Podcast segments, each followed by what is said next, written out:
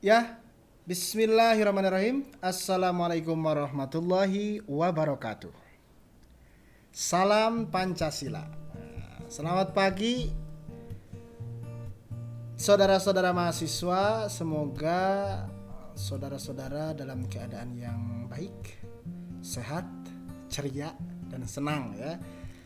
Walaupun dalam kondisi pandemi COVID-19 yang membuat kita tidak bisa bertatap muka secara langsung, tapi kita semua harus tetap semangat menjalani perkuliahan apalagi di masa perkuliahan yang tidak tatap muka atau daring ya dalam jaringan.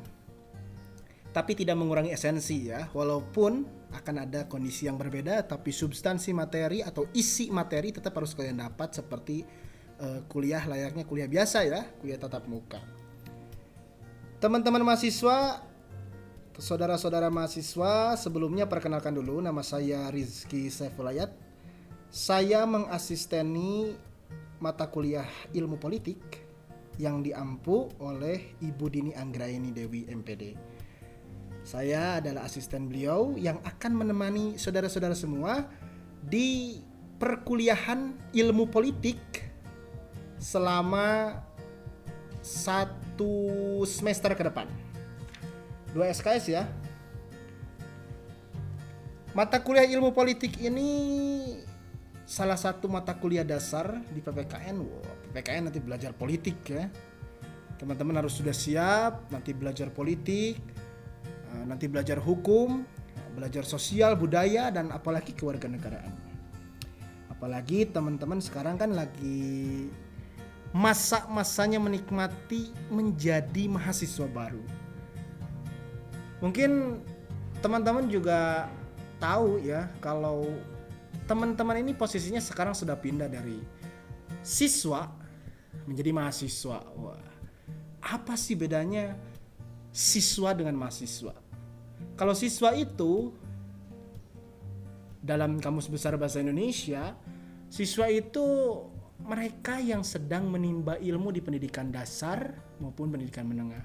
Kalau mahasiswa secara kamus besar adalah orang yang belajar di perguruan tinggi.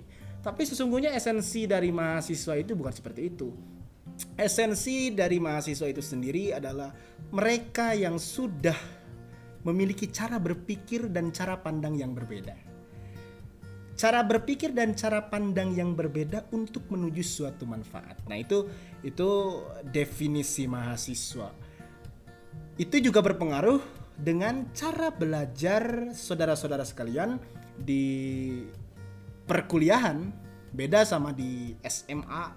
Mungkin masih ada yang terus dikasih materinya, tapi kalau di perguruan tinggi saudara-saudara sudah harus mencari sendiri, menganalisis sendiri, karena nanti e, saudara-saudara belajarnya belajar berpikir kritis, berpikir kreatif, berpikir solutif akhirnya memecahkan suatu masalah. Karena mahasiswa itu harus mampu memecahkan suatu masalah yang berkaitan dengan keilmuannya itu sedikit ya tentang mahasiswa. Jadi kita akan mulai berubah, berubah cara belajar, eh, berubah cara pandang, eh, berubah juga cara kita berpikir. Tapi dengan tetap berjalan pada perilaku yang baik, pada etika yang baik, tindakan yang baik ya. Ya ini ini musiknya lumayan agak enak ya. Cuman harus agak dikecilin lagi mungkin ya.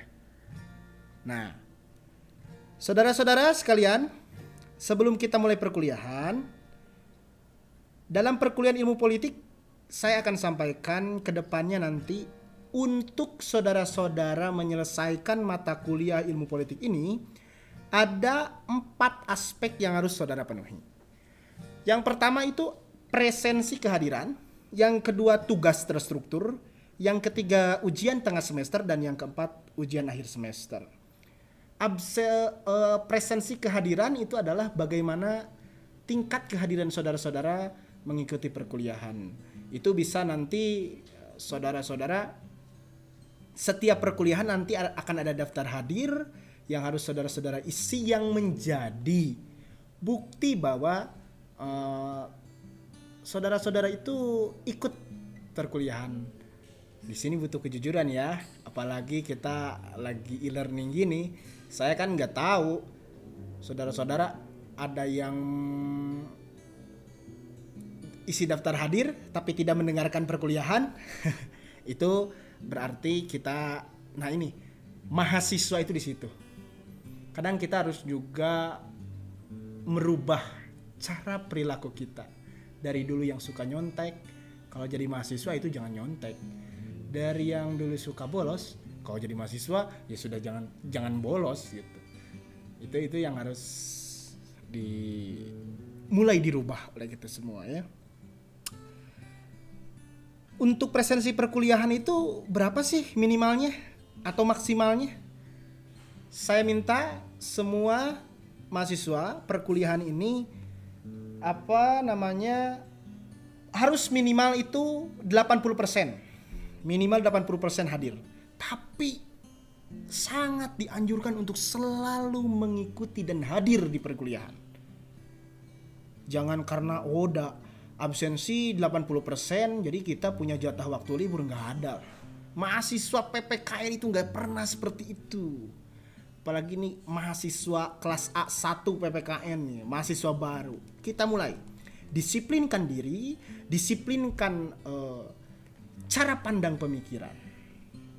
Wah jadi Kang jadi mahasiswa itu pusing ya? Atau ribet? Enggak loh.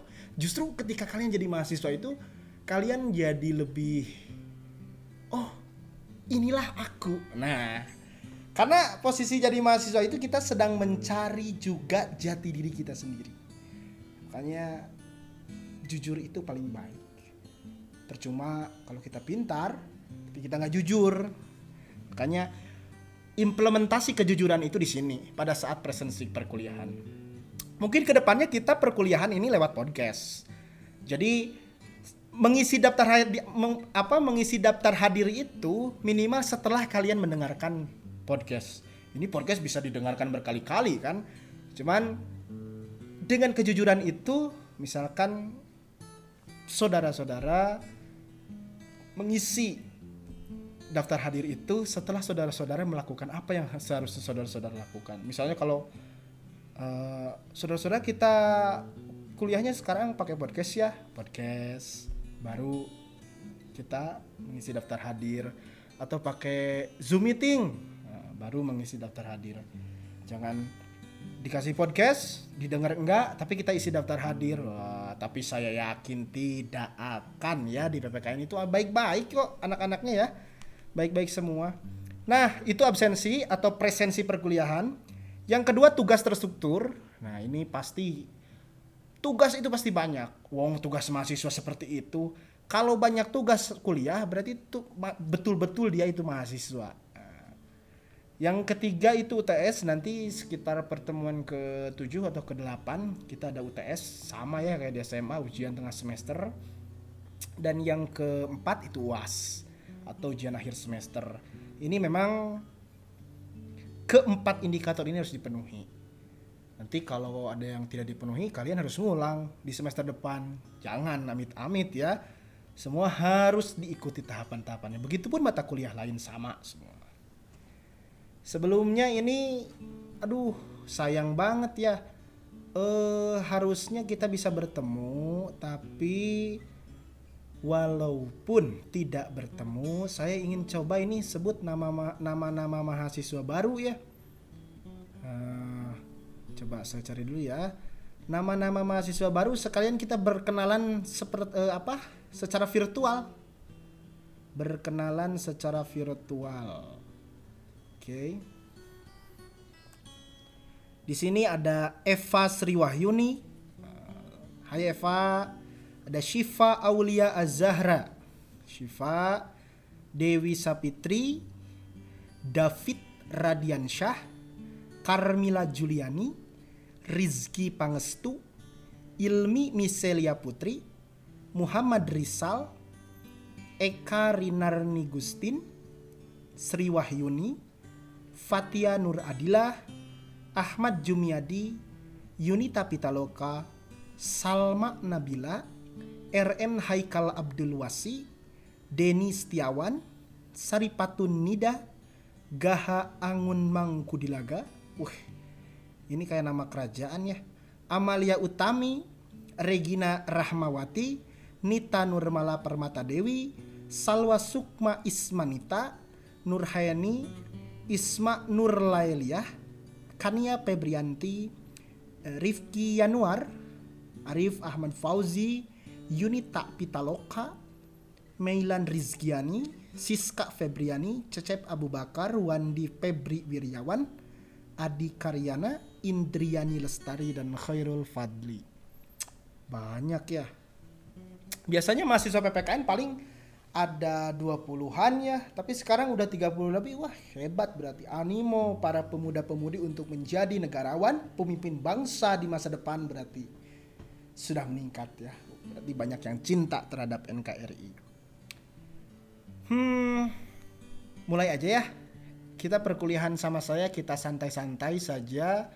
Uh, kita mulai dengan podcast ini. Jadikan media podcast ini. Kenapa sih podcast? Ya kayak kayak enak aja gitu ya. Kalau kita pakai podcast sambil ada background musik, walaupun nih kayaknya ngantuk ya background musiknya, tapi jangan ngantuk. Pagi-pagi begini harus segar, ya, harus jangan mengantuk, harus segar semua. Ya, kita mulai. Itu ada modul ya, sambil dibaca modulnya. Di pertemuan pertama ini ada tujuan perkuliahan yang harus saudara-saudara apa namanya penuhi yaitu saudara-saudara harus mampu mendeskripsikan hakikat politik dan ilmu politik beserta objek studi ilmu politik. Waduh, ini dengerin juga agak pusing, tapi nggak akan pusing, nggak akan, ya, nggak akan pusing. Saudara hanya hanya setelah perkuliahan ini hanya disuruh untuk menggambarkan, oh bisa menjelaskan, bisa menggambarkan politik itu apa sih? Ilmu politik itu apa sih? Dan objek studi ilmu politik itu apa aja sih? Cuman itu. Pertemuan hari ini kita hanya membahas itu, ya. Oke, kita mulai berbicara politik. Politik.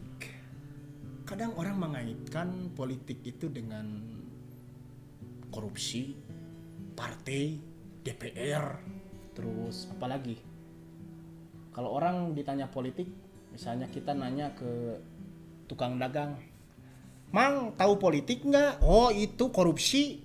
Atau oh itu apa itu mah pemerintah apa yang disampaikan itu definisi dari orang-orang awam yang tidak belajar politik itu itu benar. Benar, tidak salah.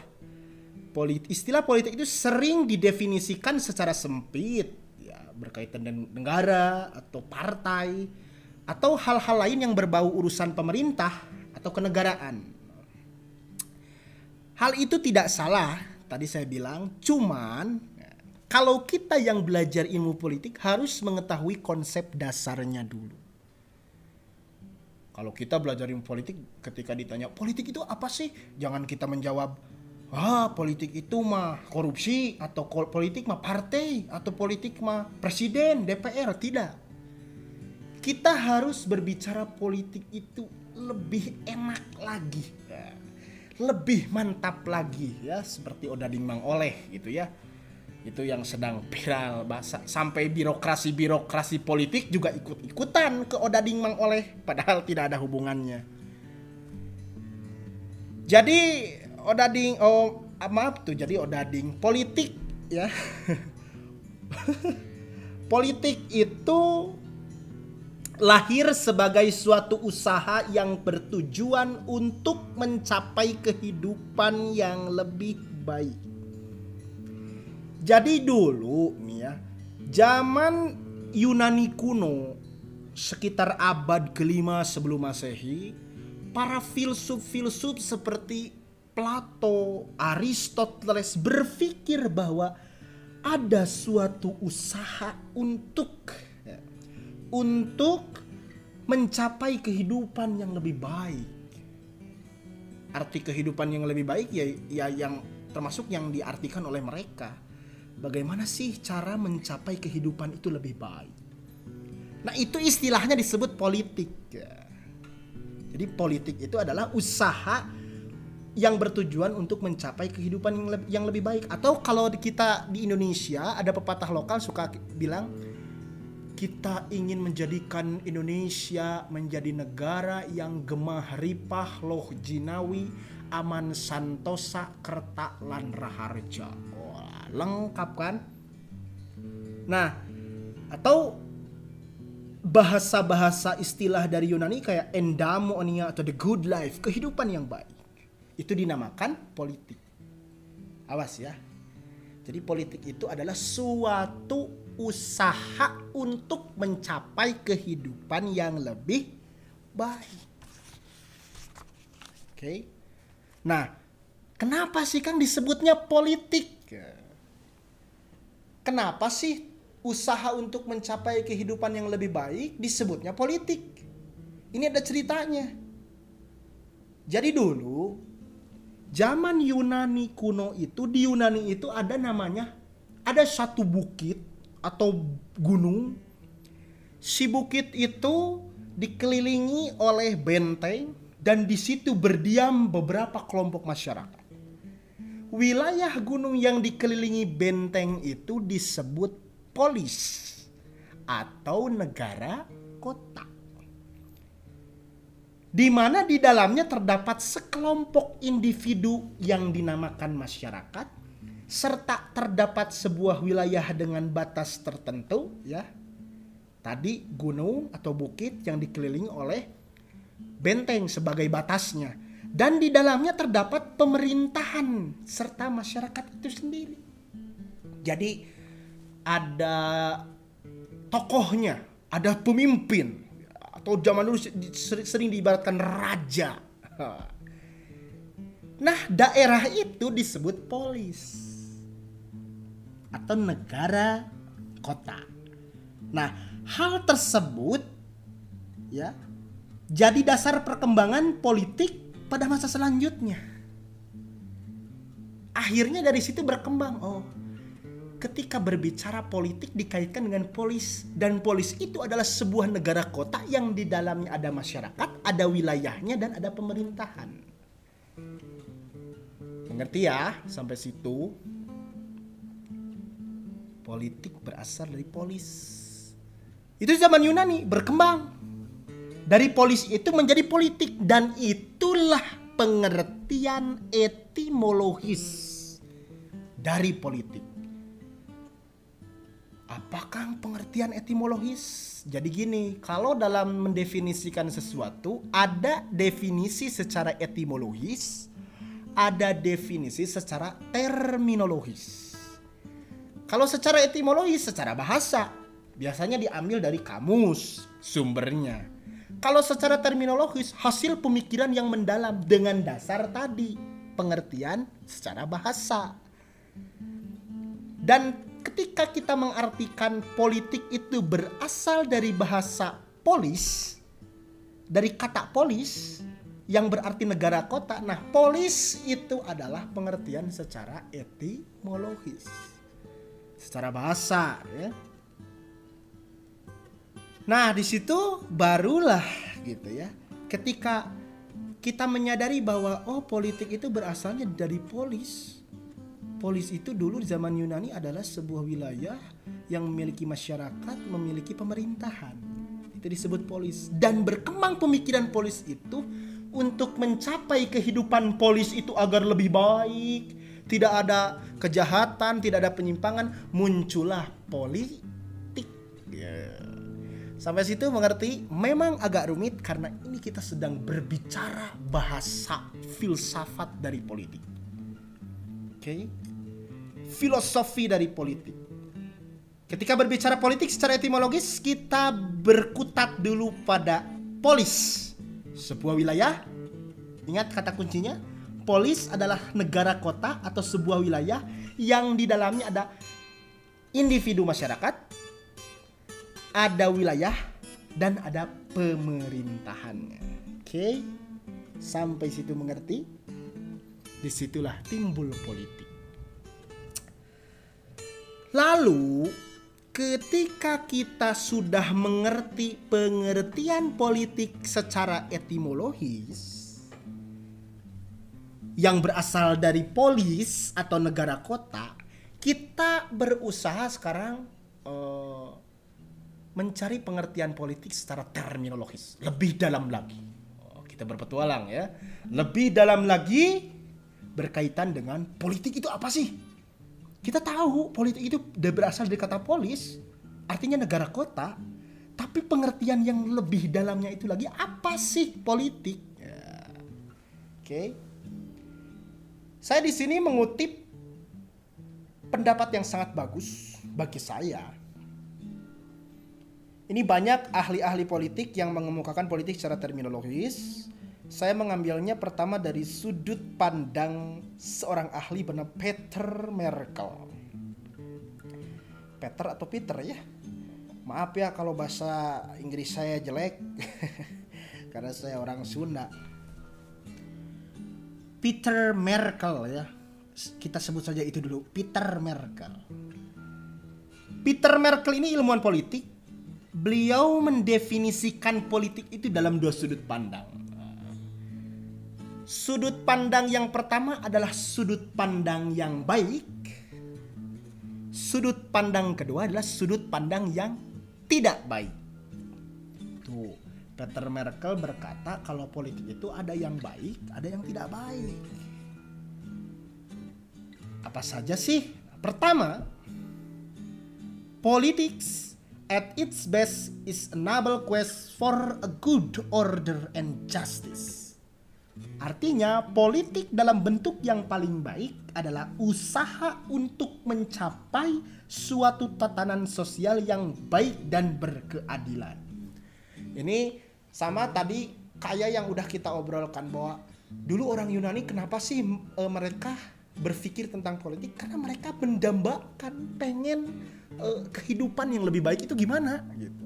Ingin menuju kehidupan yang wah baik, sangat baik di mana tatanan sosialnya baik, uh, sistem pemerintahannya baik, komunikasi hubungan antar masyarakatnya baik. Itulah yang mereka inginkan melalui politik. Nah, ini selaras sama pengertian dari Peter, Mer Peter Merkel bahwa dalam sudut pandang yang pertama ya bahwa politik dalam bentuk yang paling baik adalah usaha untuk mencapai suatu tatanan sosial yang baik dan berkeadilan. Jadi politik itu bisa dikatakan baik kalau dia uh, berusaha untuk mencapai suatu uh, tatanan. Tatanan itu apa? Keadaan masyarakat yang sangat baik dan berkeadilan. Tidak ada yang merasa dikecewakan. Semua merasa mendapatkan penghargaan atas dirinya. Dan tidak adanya pelanggaran hak orang lain itu mereka mereka itu pengen seperti itu itu pengertian politik yang pertama pengertian politik yang kedua politik at its worst is a selfish grab for power glory and riches politik dalam bentuk yang paling buruk adalah perebutan kekuasaan kedudukan dan kekayaan untuk kepentingan diri sendiri. Ah agak-agaknya ketika berbicara ini kita juga apa tiba-tiba ingat kondisi Indonesia ya. Waktu pemilu kemarin wah saling berebut kekuasaan saling berebut kedudukan saling mencari kekayaan. Untuk kepentingan siapa mereka bilangnya sih kepentingan rakyat tapi kan jadinya kita kepentingan pribadi ya tapi teman-teman saudara-saudara mahasiswa yang nantinya mau jadi seorang politisi Apalagi saudara nanti lulusan PPKN. Saudara harus mencari kekuasaan, mencari kedudukan dan kekayaan untuk kepentingan orang banyak, bukan kepentingan diri sendiri atau keluarga. Awas, jangan. Nah, Peter Merkel itu dalam pengertian yang kedua, dalam perspektif atau dalam pandangan yang tidak baik mengerti mengartikan politik seperti itu. Lah, politik itu itu mah politik mah ajang perebutan kekuasaan, ajang perebutan kedudukan, atau ajang perebutan kekua- kekayaan untuk kepentingan diri sendiri dan kroni-kroni atau keluarga. Nah, nah kita bisa simpulkan bahwa perspektif pertama tadi dan perspektif kedua tadi saling bertentangan ya. Bertentangan itu karena yang satu menganggap politik itu baik kata Peter Merkel. Yang kedua Peter Merkel menganggap bahwa politik juga itu buruk. Kadang ada ya kalau di TV-TV ada ya, oh, politisi bilang politik itu adalah tugas yang suci. Waduh saya pengen mual mendengarnya ya itu tergantung tergantung dinamika kehidupan Indonesia, dinamika kehidupan politik. Kalau memang para politisinya jujur, berarti definisi politik itu yang pertama yang dipakai. Politik adalah untuk mencapai suatu tatanan sosial yang baik. Tapi kalau kita lihatnya korupsi, fitnah memfitnah, caci maki, wah itu berarti politiknya dalam bentuk merebut kekuasaan, merebut kedudukan, kekayaan untuk kepentingan sendiri. Jadi ke pinggir menyiku, ke bawah menginjak. itu. Jadi orang-orang seperti itu itu kadang saya aneh ya, mereka tahu definisi politik dari mana. Makanya nanti kita kalau uh, saudara-saudara ada yang jadi politisi, pakailah definisi Peter Merkel yang pertama bahwa politik itu adalah usaha untuk mencapai kehidupan yang lebih baik, pemerintahan yang lebih baik, adil Kayak kalau para politisi itu mengerti filosofi politik, waduh berat menjadi seorang politisi. Berat loh menjadi seorang politisi. Mantap juga ini ya.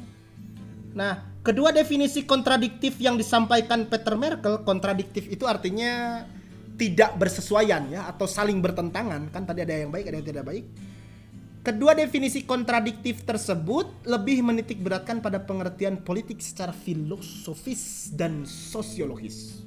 Filosofis itu pemikiran yang paling dalam. Sosiologis, sosiologis itu dengan berdasarkan pada realitas yang terjadi. Jadi kalau kita bicara bahwa Kang bagi saya mah politik Indonesia itu pengertian yang kedua perebutan kekuasaan. Ya mungkin karena realitas masyarakat Indonesia realitas kekuasaan di Indonesia seperti itu. Tapi kalau ada yang enggak kok Kang. Politik itu baik. Politik itu membawa kita kepada kehidupan yang lebih baik. Ya berarti realitas kondisi masyarakat uh, bagus. Pemerintahannya baik adil sejahtera. Jadi pengertian politik itu kita memilih tergantung. Tergantung pada kondisi juga. Kita kalau kita lihat di Indonesia sekarang ya kita semua juga lihat ya carut marut politik. Tapi yang penting kita bisa menilai. Nah ketika teman-teman sudah belajar pengertian politik teman-teman bisa menilai oh politik itu seperti ini ya. Ternyata politik itu yang saya pahami tidak seperti yang saya pahami dulu di SMA gini ya. Nah ini saudara-saudara harus sudah mulai membuka cakrawala bahwa politik itu ternyata tidak bisa disebut suci dan tidak bisa disebut juga uh, dilarang atau politik itu tidak bisa disebut baik atau politik juga tidak bisa disebut buruk ya. Tergantung tergantung realitas atau kenyataan yang terjadi di sekitar kita. Nah, itu pengertian politik dari Peter Merkel ya.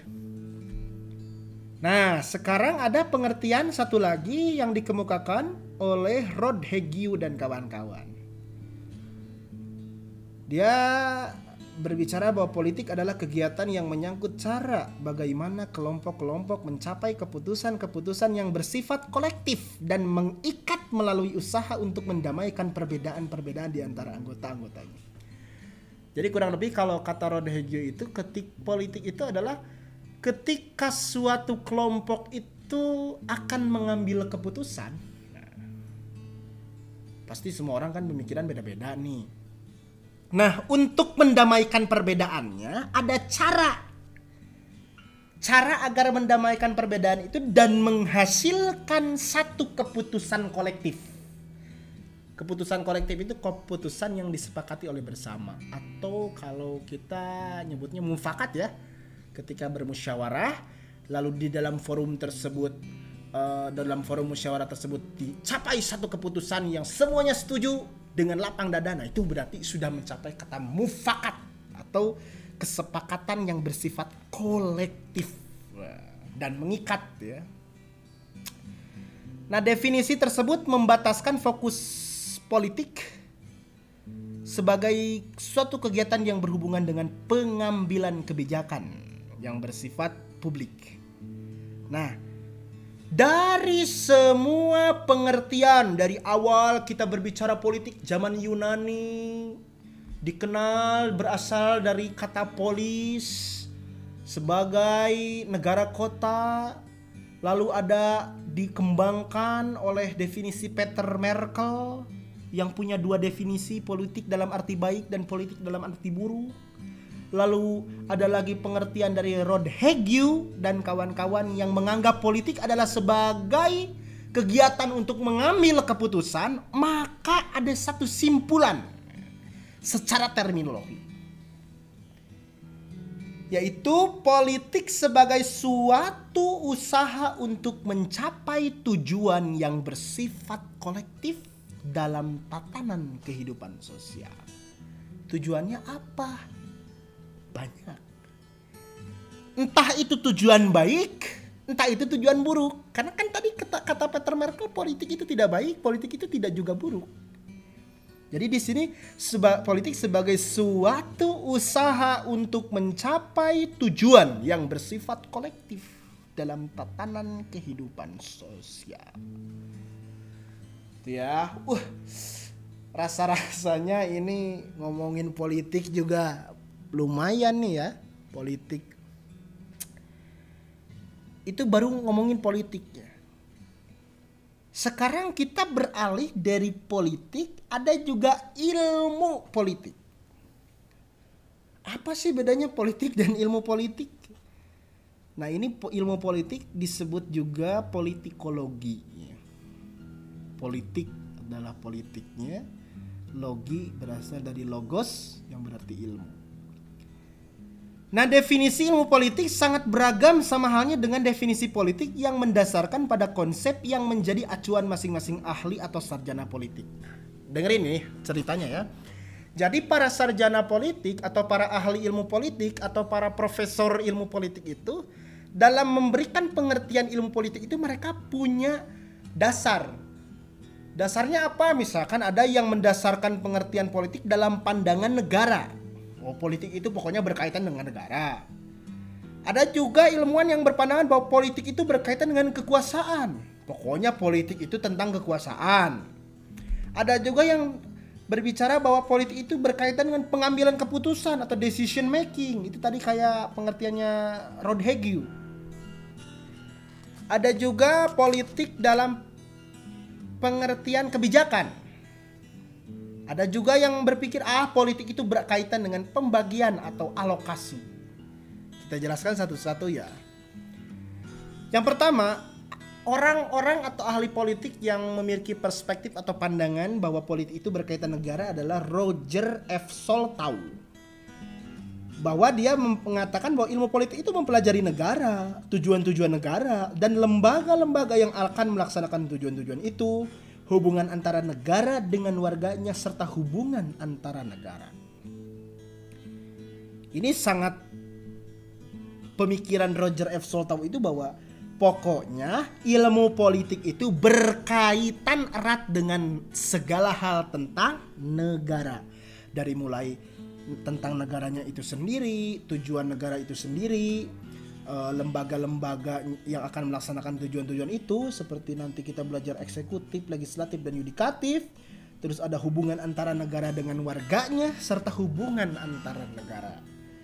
Nah, itu pengertian berdasarkan eh, orang-orang yang memandang politik itu sebagai dikaitkan dengan negara. Terus ada orang-orang yang memandang atau mendefinisikan ilmu politik Itu dengan kekuasaan. Pokoknya ilmu politik tentang ke ke kekuasaan saja.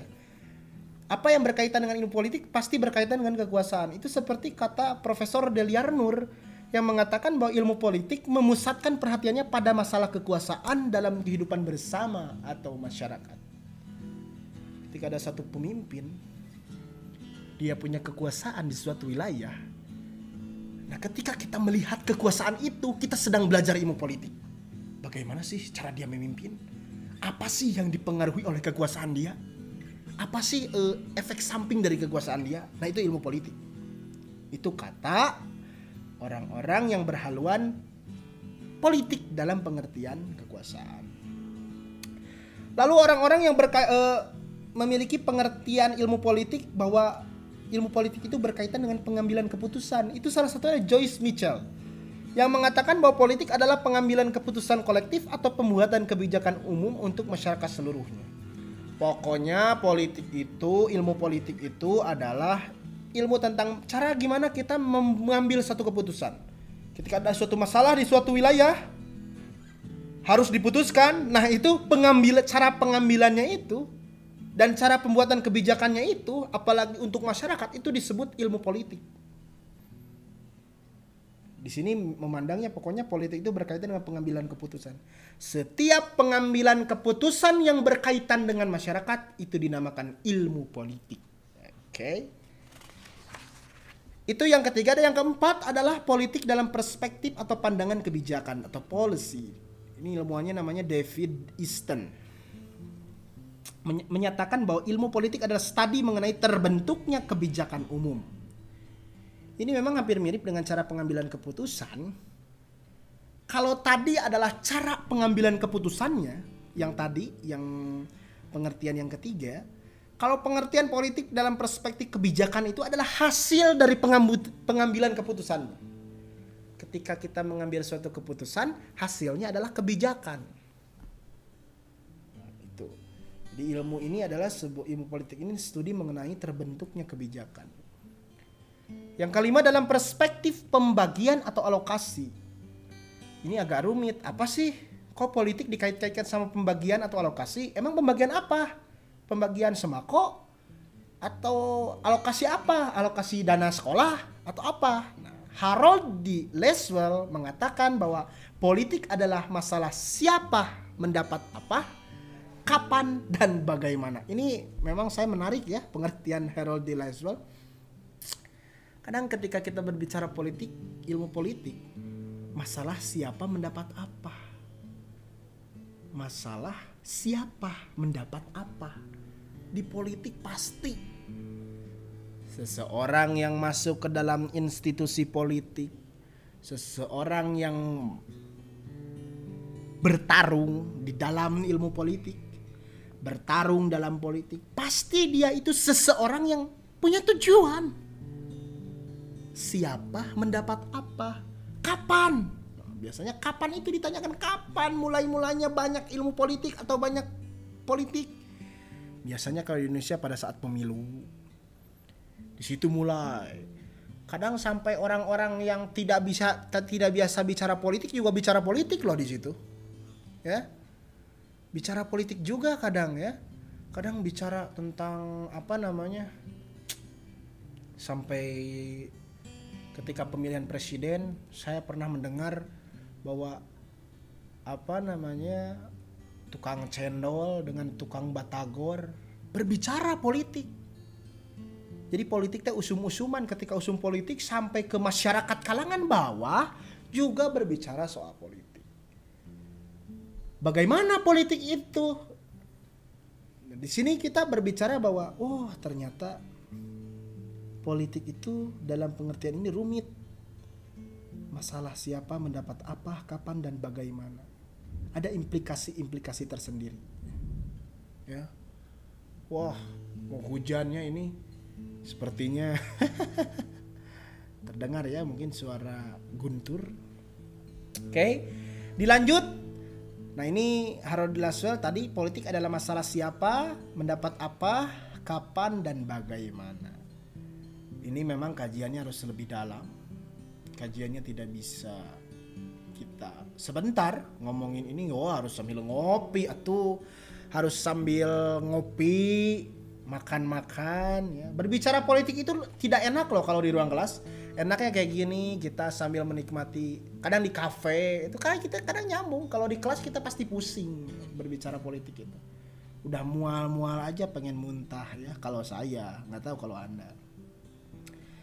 Semoga adanya akustik ini ya bisa lebih memberikan ketenangan pada pikiran kita untuk menyerap apa isi itu ilmu politik.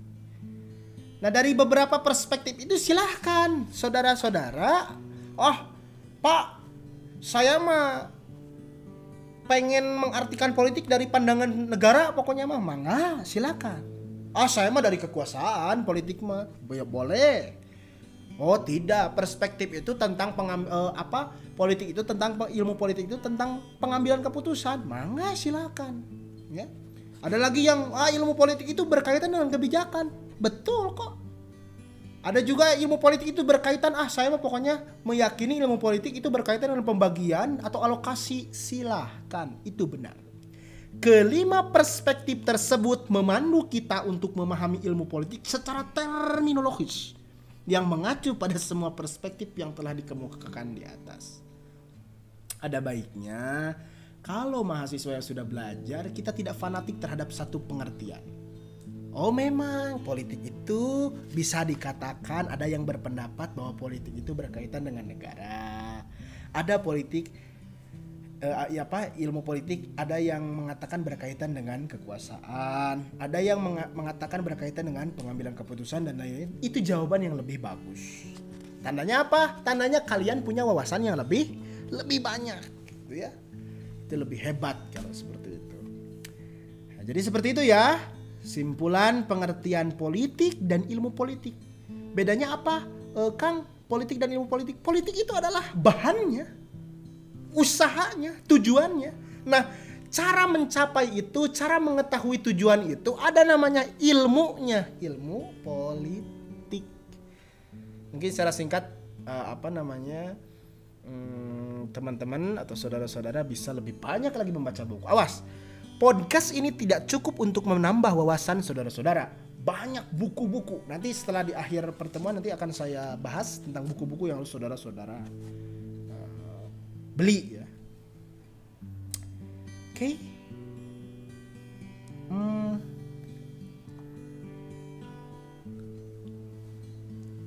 ya ini oke okay, ini dihapus mungkin ya nanti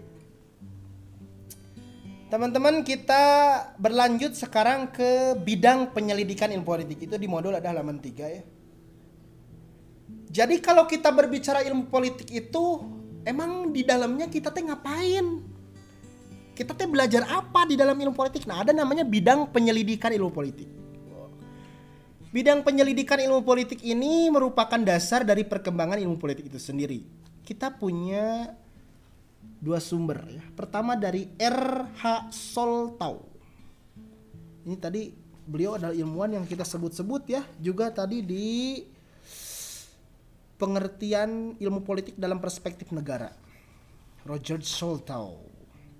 Dalam bukunya yang berjudul An Introduction to Politics menyatakan bahwa ilmu politik adalah studi tentang negara, sasaran-sasaran dan tujuannya yang mengandung tiga aspek pokok. Ini perhatikan tiga aspek pokoknya. Yang pertama, the analysis of what is. Penguraian dari apa yang sekarang ada. Aspek ini berkaitan dengan hakikat manusia maupun manifestasinya dalam bentuk perbuatan-perbuatan politik atau kehidupan kenegaraan. Oke. Okay? Nah, di sini RH tahu ini RH teh Roger Roger ya, bukan Raden Haji. Awas. Nanti kalian mengartikan RH tahu apa Raden Haji tahu? bukan bukan seperti itu ya. Nah, Kembali, the analysis of what is, penguraian dari apa yang sekarang ada.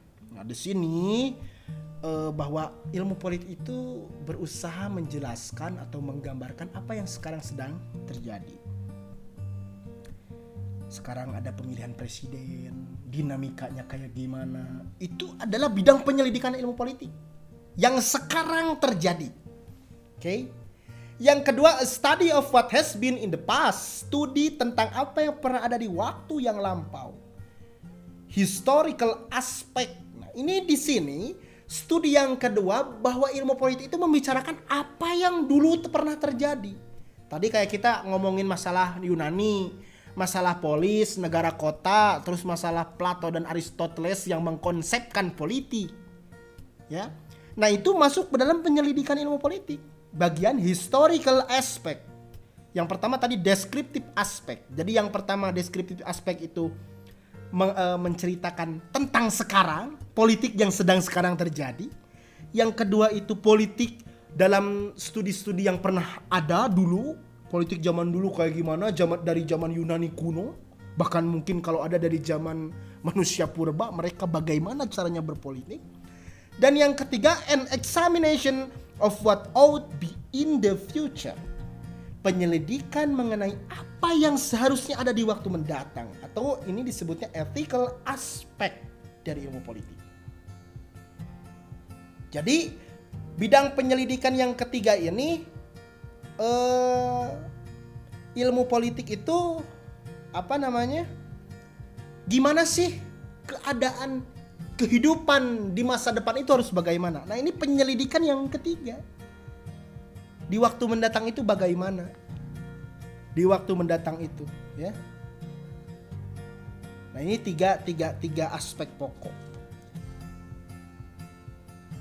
Pendapat dari RH Soltau itu juga hampir mirip dengan salah satu pendapat ilmuwan politik setelahnya berkaitan dengan bidang penyelidikan ilmu politik. Ini namanya R.N. Gilchrist.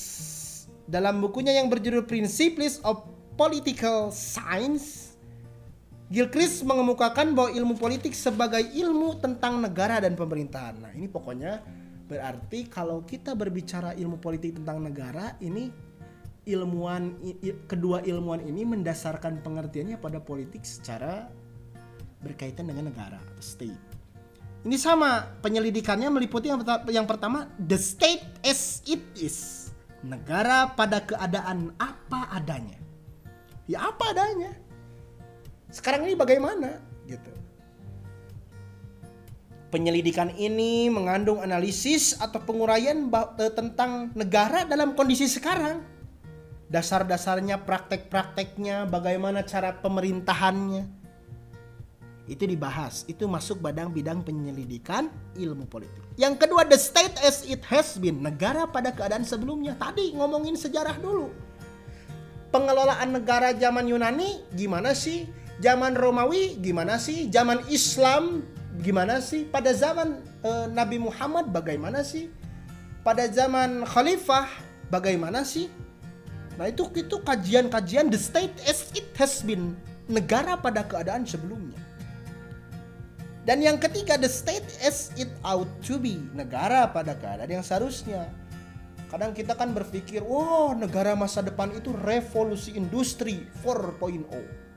Atau bahkan sekarang ya sudah 4.0. Nanti naon yang nanti teh 5.0 ya. Udah udah udah terbayang. Nah, itu teh penyelidikannya ilmu politik. Ilmu politik memandang itu emang bener ya. Nanti bagaimana ya kalau zaman depan, zaman robot uh, berpikir tentang politik itu politik zaman nanti bagaimana? Wah, nanti zaman sudah canggih, lebih canggih. Sistem politik juga pasti akan berpengaruh nanti bagaimana ya zaman nanti.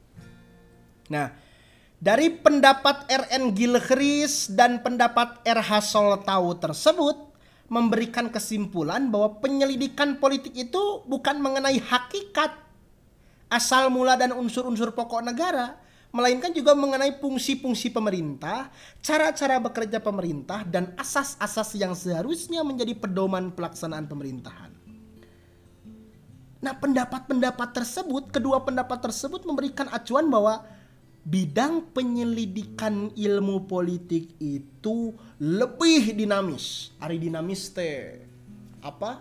Dinamis itu lebih luas tidak statis, tidak diam, stagnan di situ-situ saja, tidak dinamis dan berfokus pada aspek realitas yang terjadi dalam kehidupan kenegaraan. Maka Kenapa sih ilmu poli- penyelidikan politik itu sifatnya dinamis? Ya kan tadi meneliti negaranya itu, meneliti kondisi pemerintahan negara itu dalam kondisi sekarang, dalam kondisi masa lalu dan dalam kondisi nanti di masa depan. Rumusnya seperti itu penyelidikan politik. Membicarakan negara dalam kondisi sekarang, dalam kondisi masa lalu dan dalam kondisi masa depan. Itu politik seperti itu. Waduh, baru kepikiran ya. Ternyata politik itu pengertiannya seperti itu. Penyelidikannya seperti itu. Oke. Nah, seperti itu ya. Jadi, bidang penyelidikan ilmu politik itu rumusnya seperti itu. Politik itu menyelidiki apa sih? Negara dalam kondisi masa sekarang, dalam kondisi masa lampau, dan dalam kondisi masa depan. Ya. Sekarang kita berlanjut. No, itu di halaman 4 ada ruang lingkup ilmu politik. Saudara itu bisa baca. Nah, ruang lingkup ini jadi setelah tadi ada bidang penyelidikan yang tiga itu, negara dalam kondisi sekarang, negara dalam kondisi masa lampau dan negara dalam kondisi masa depan, itu dijabarkan lagi menjadi beberapa cabang ya yang disebut ruang lingkup ilmu politik atau ruang lingkup kajian ya.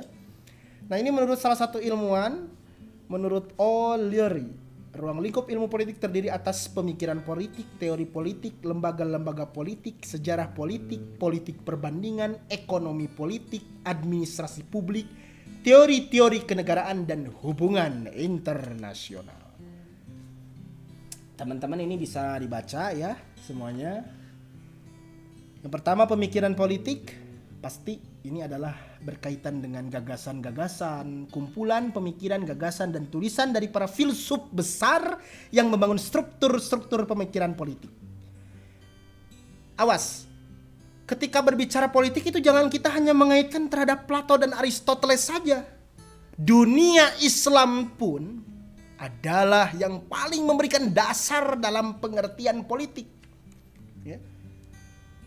Nabi Muhammad Sallallahu Alaihi Wasallam ketika di Madinah maupun di Mekah itu memiliki konsep-konsep politik, konsep-konsep politik yang tentunya mengarahkan kehidupan agar lebih baik, tatanan sosial yang baik dan berkeadilan. Itu pemikiran-pemikiran politik. Tapi ada karya-karya besar juga ya dari zaman Yunani kuno ada Plato, Aristoteles.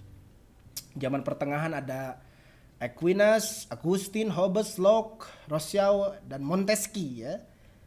Montesquieu kita tahu pasti ya yang masalah trias politika itu ya, pembagian kekuasaan atau pemisahan kekuasaan legislatif, eksekutif dan yudikatif dan serta buku-buku para penulis modern Kant, Hegel, Marx, Tocqueville, dan Mill. Nah, pemikiran-pemikiran tersebut baik pemikiran yang klasik maupun pemikiran yang kontemporer mengisi ruang-ruang substansial dalam wacana politik itu sendiri. Pemikiran-pemikiran zaman dulu maupun zaman sekarang itu mengisi bahwa oh ilmu politik itu semakin lama semakin berkembang. Makanya ilmu politik itu adalah ilmu yang dinamis. Ilmu politik itu ilmu yang apa namanya dinamis gitu ya.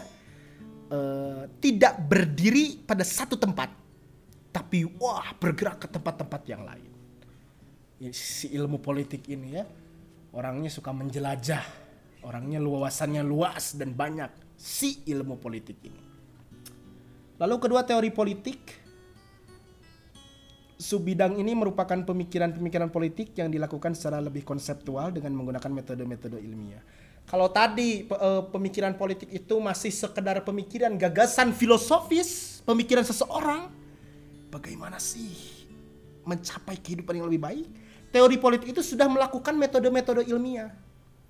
Bagaimana dirasionalkan dengan logika, lalu dibuat jawaban sementara. Oh, politik itu seperti ini.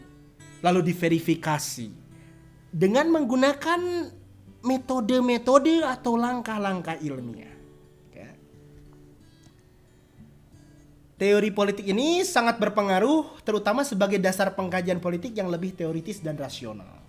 Kalau yang tadi memang yang pemikiran politik tidak rasional, enggak lah. Rasional karena ber- berasal dari pemikiran, cuman lebih ada langkah-langkah untuk uh, menjawabnya. Kalau tadi pemikiran politik, politik itu apa sih? Mikir lama merenung. Para filsuf zaman dulu, politik itu apa ya? Baba. Tapi kalau teori politik itu diambilnya apa sih politik? Nah, kita cari. Oh, kita cari bagaimana pertama kita? Mengumpulkan dulu apa itu politik? Lalu setelah itu coba dikaji artinya seperti apa? E, lalu oh pakai pendekatan penelitian kita teliti dulu apakah arti ini sesuai tidak dengan kejadian yang ada di masyarakat? Nah itu nanti akan timbulnya sebuah teori politik. Yang ketiga lembaga-lembaga politik ini pasti akan berkaitan dengan lembaga-lembaga politik ya bahkan ini di sini ditulis bahwa e, menurut apa David Miller bahwa lembaga politik itu termasuk konstitusi. Konstitusi atau hukum dasar atau groundwork ya. Itu berkaitan dengan uh, politik, eksekutif, birokrasi, yudikatif, partai politik dan sistem pemilihan.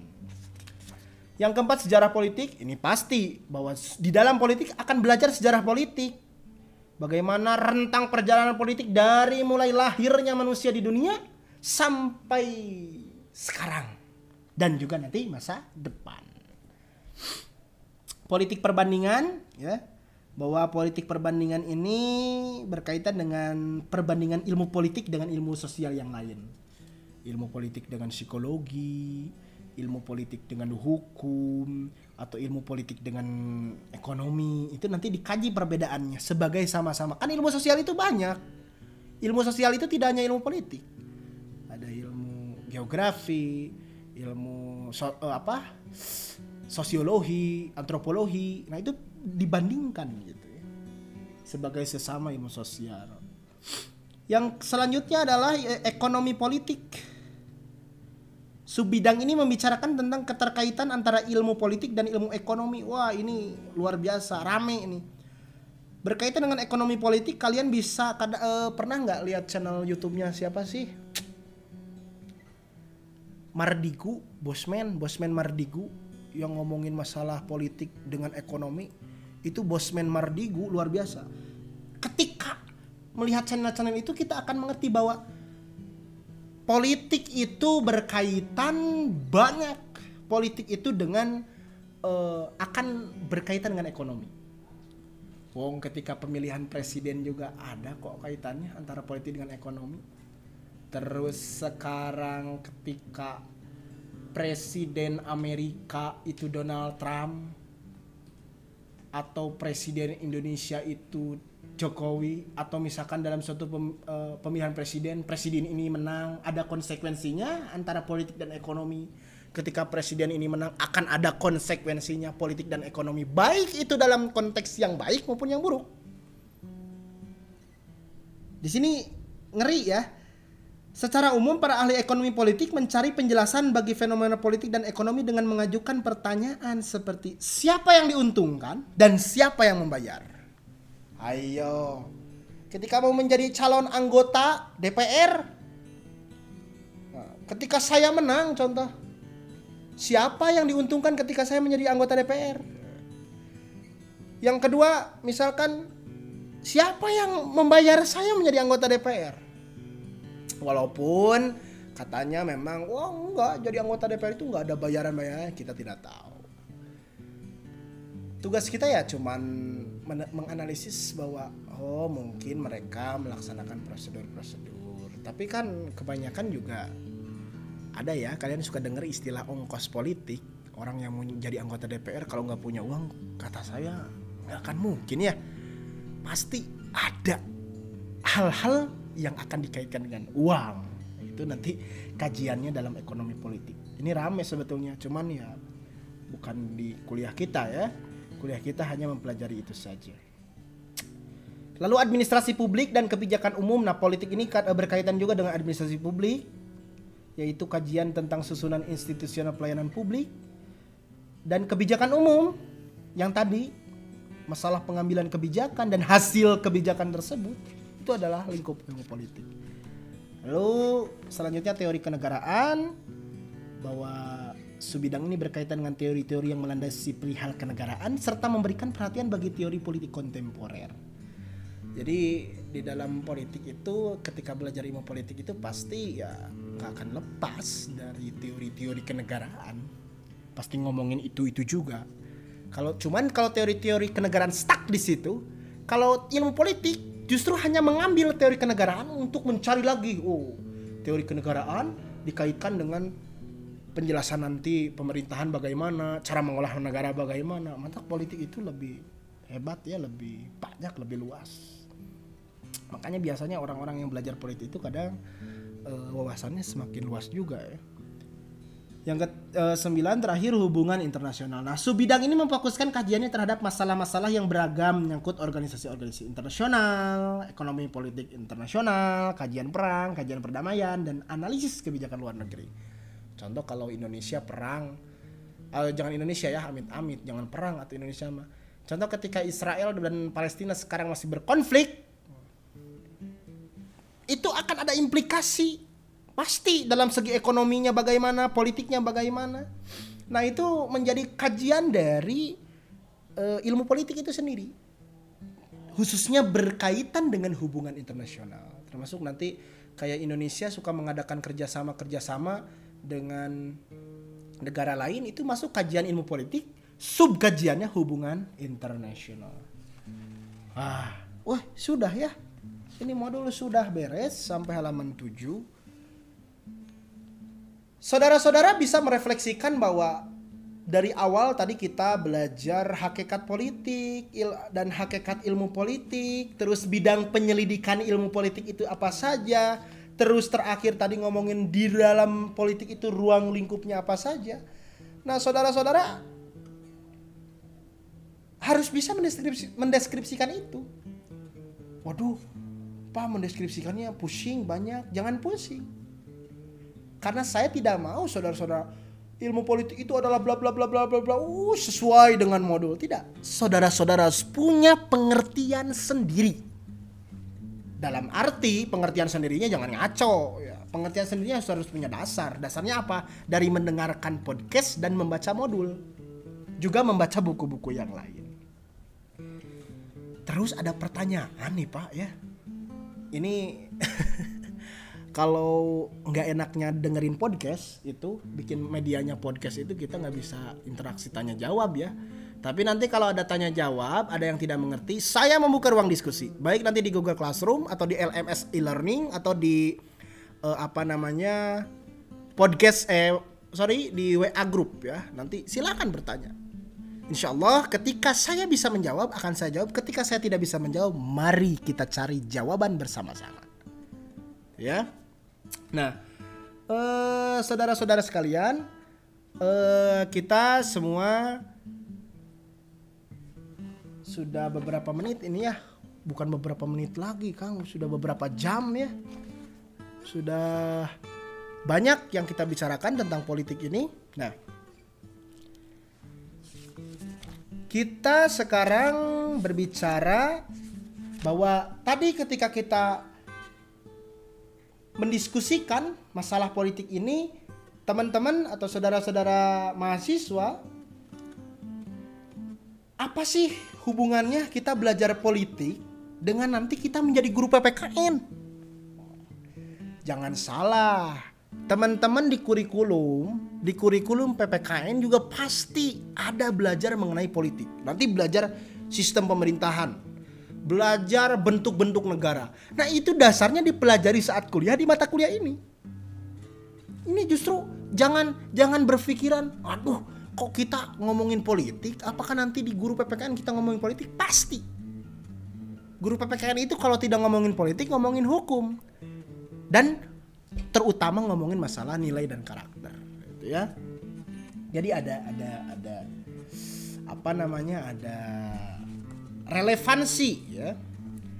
Nah saya ulang lagi bahwa tadi hakikat politik kita ambil bahwa politik sebagai suatu tujuan.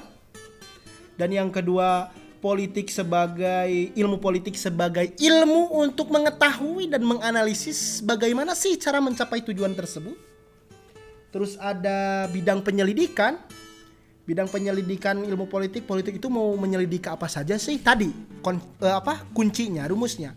Bidang penyelidikan ilmu politik adalah berbicara tentang negara dan pemerintahannya dalam kondisi sekarang masa lalu dan masa depan dan ruang lingkup ilmu politik tadi ada sembilan ruang lingkup ilmu politik yang harus saudara-saudara baca walaupun tidak saudara-saudara dalami karena nanti masih banyak mata kuliah politik selan semester selanjutnya ini mah saudara-saudara harus mengerti saja dulu tadi. Politik itu apa, ilmu politik itu apa ya. Nah, seperti itu. Gimana? Bosen? Jangan bosen. Politik itu kan dinamis. Ketika kita belajar politik, justru tidak boleh bosan. Banyak pemikiran-pemikiran kita yang keluar.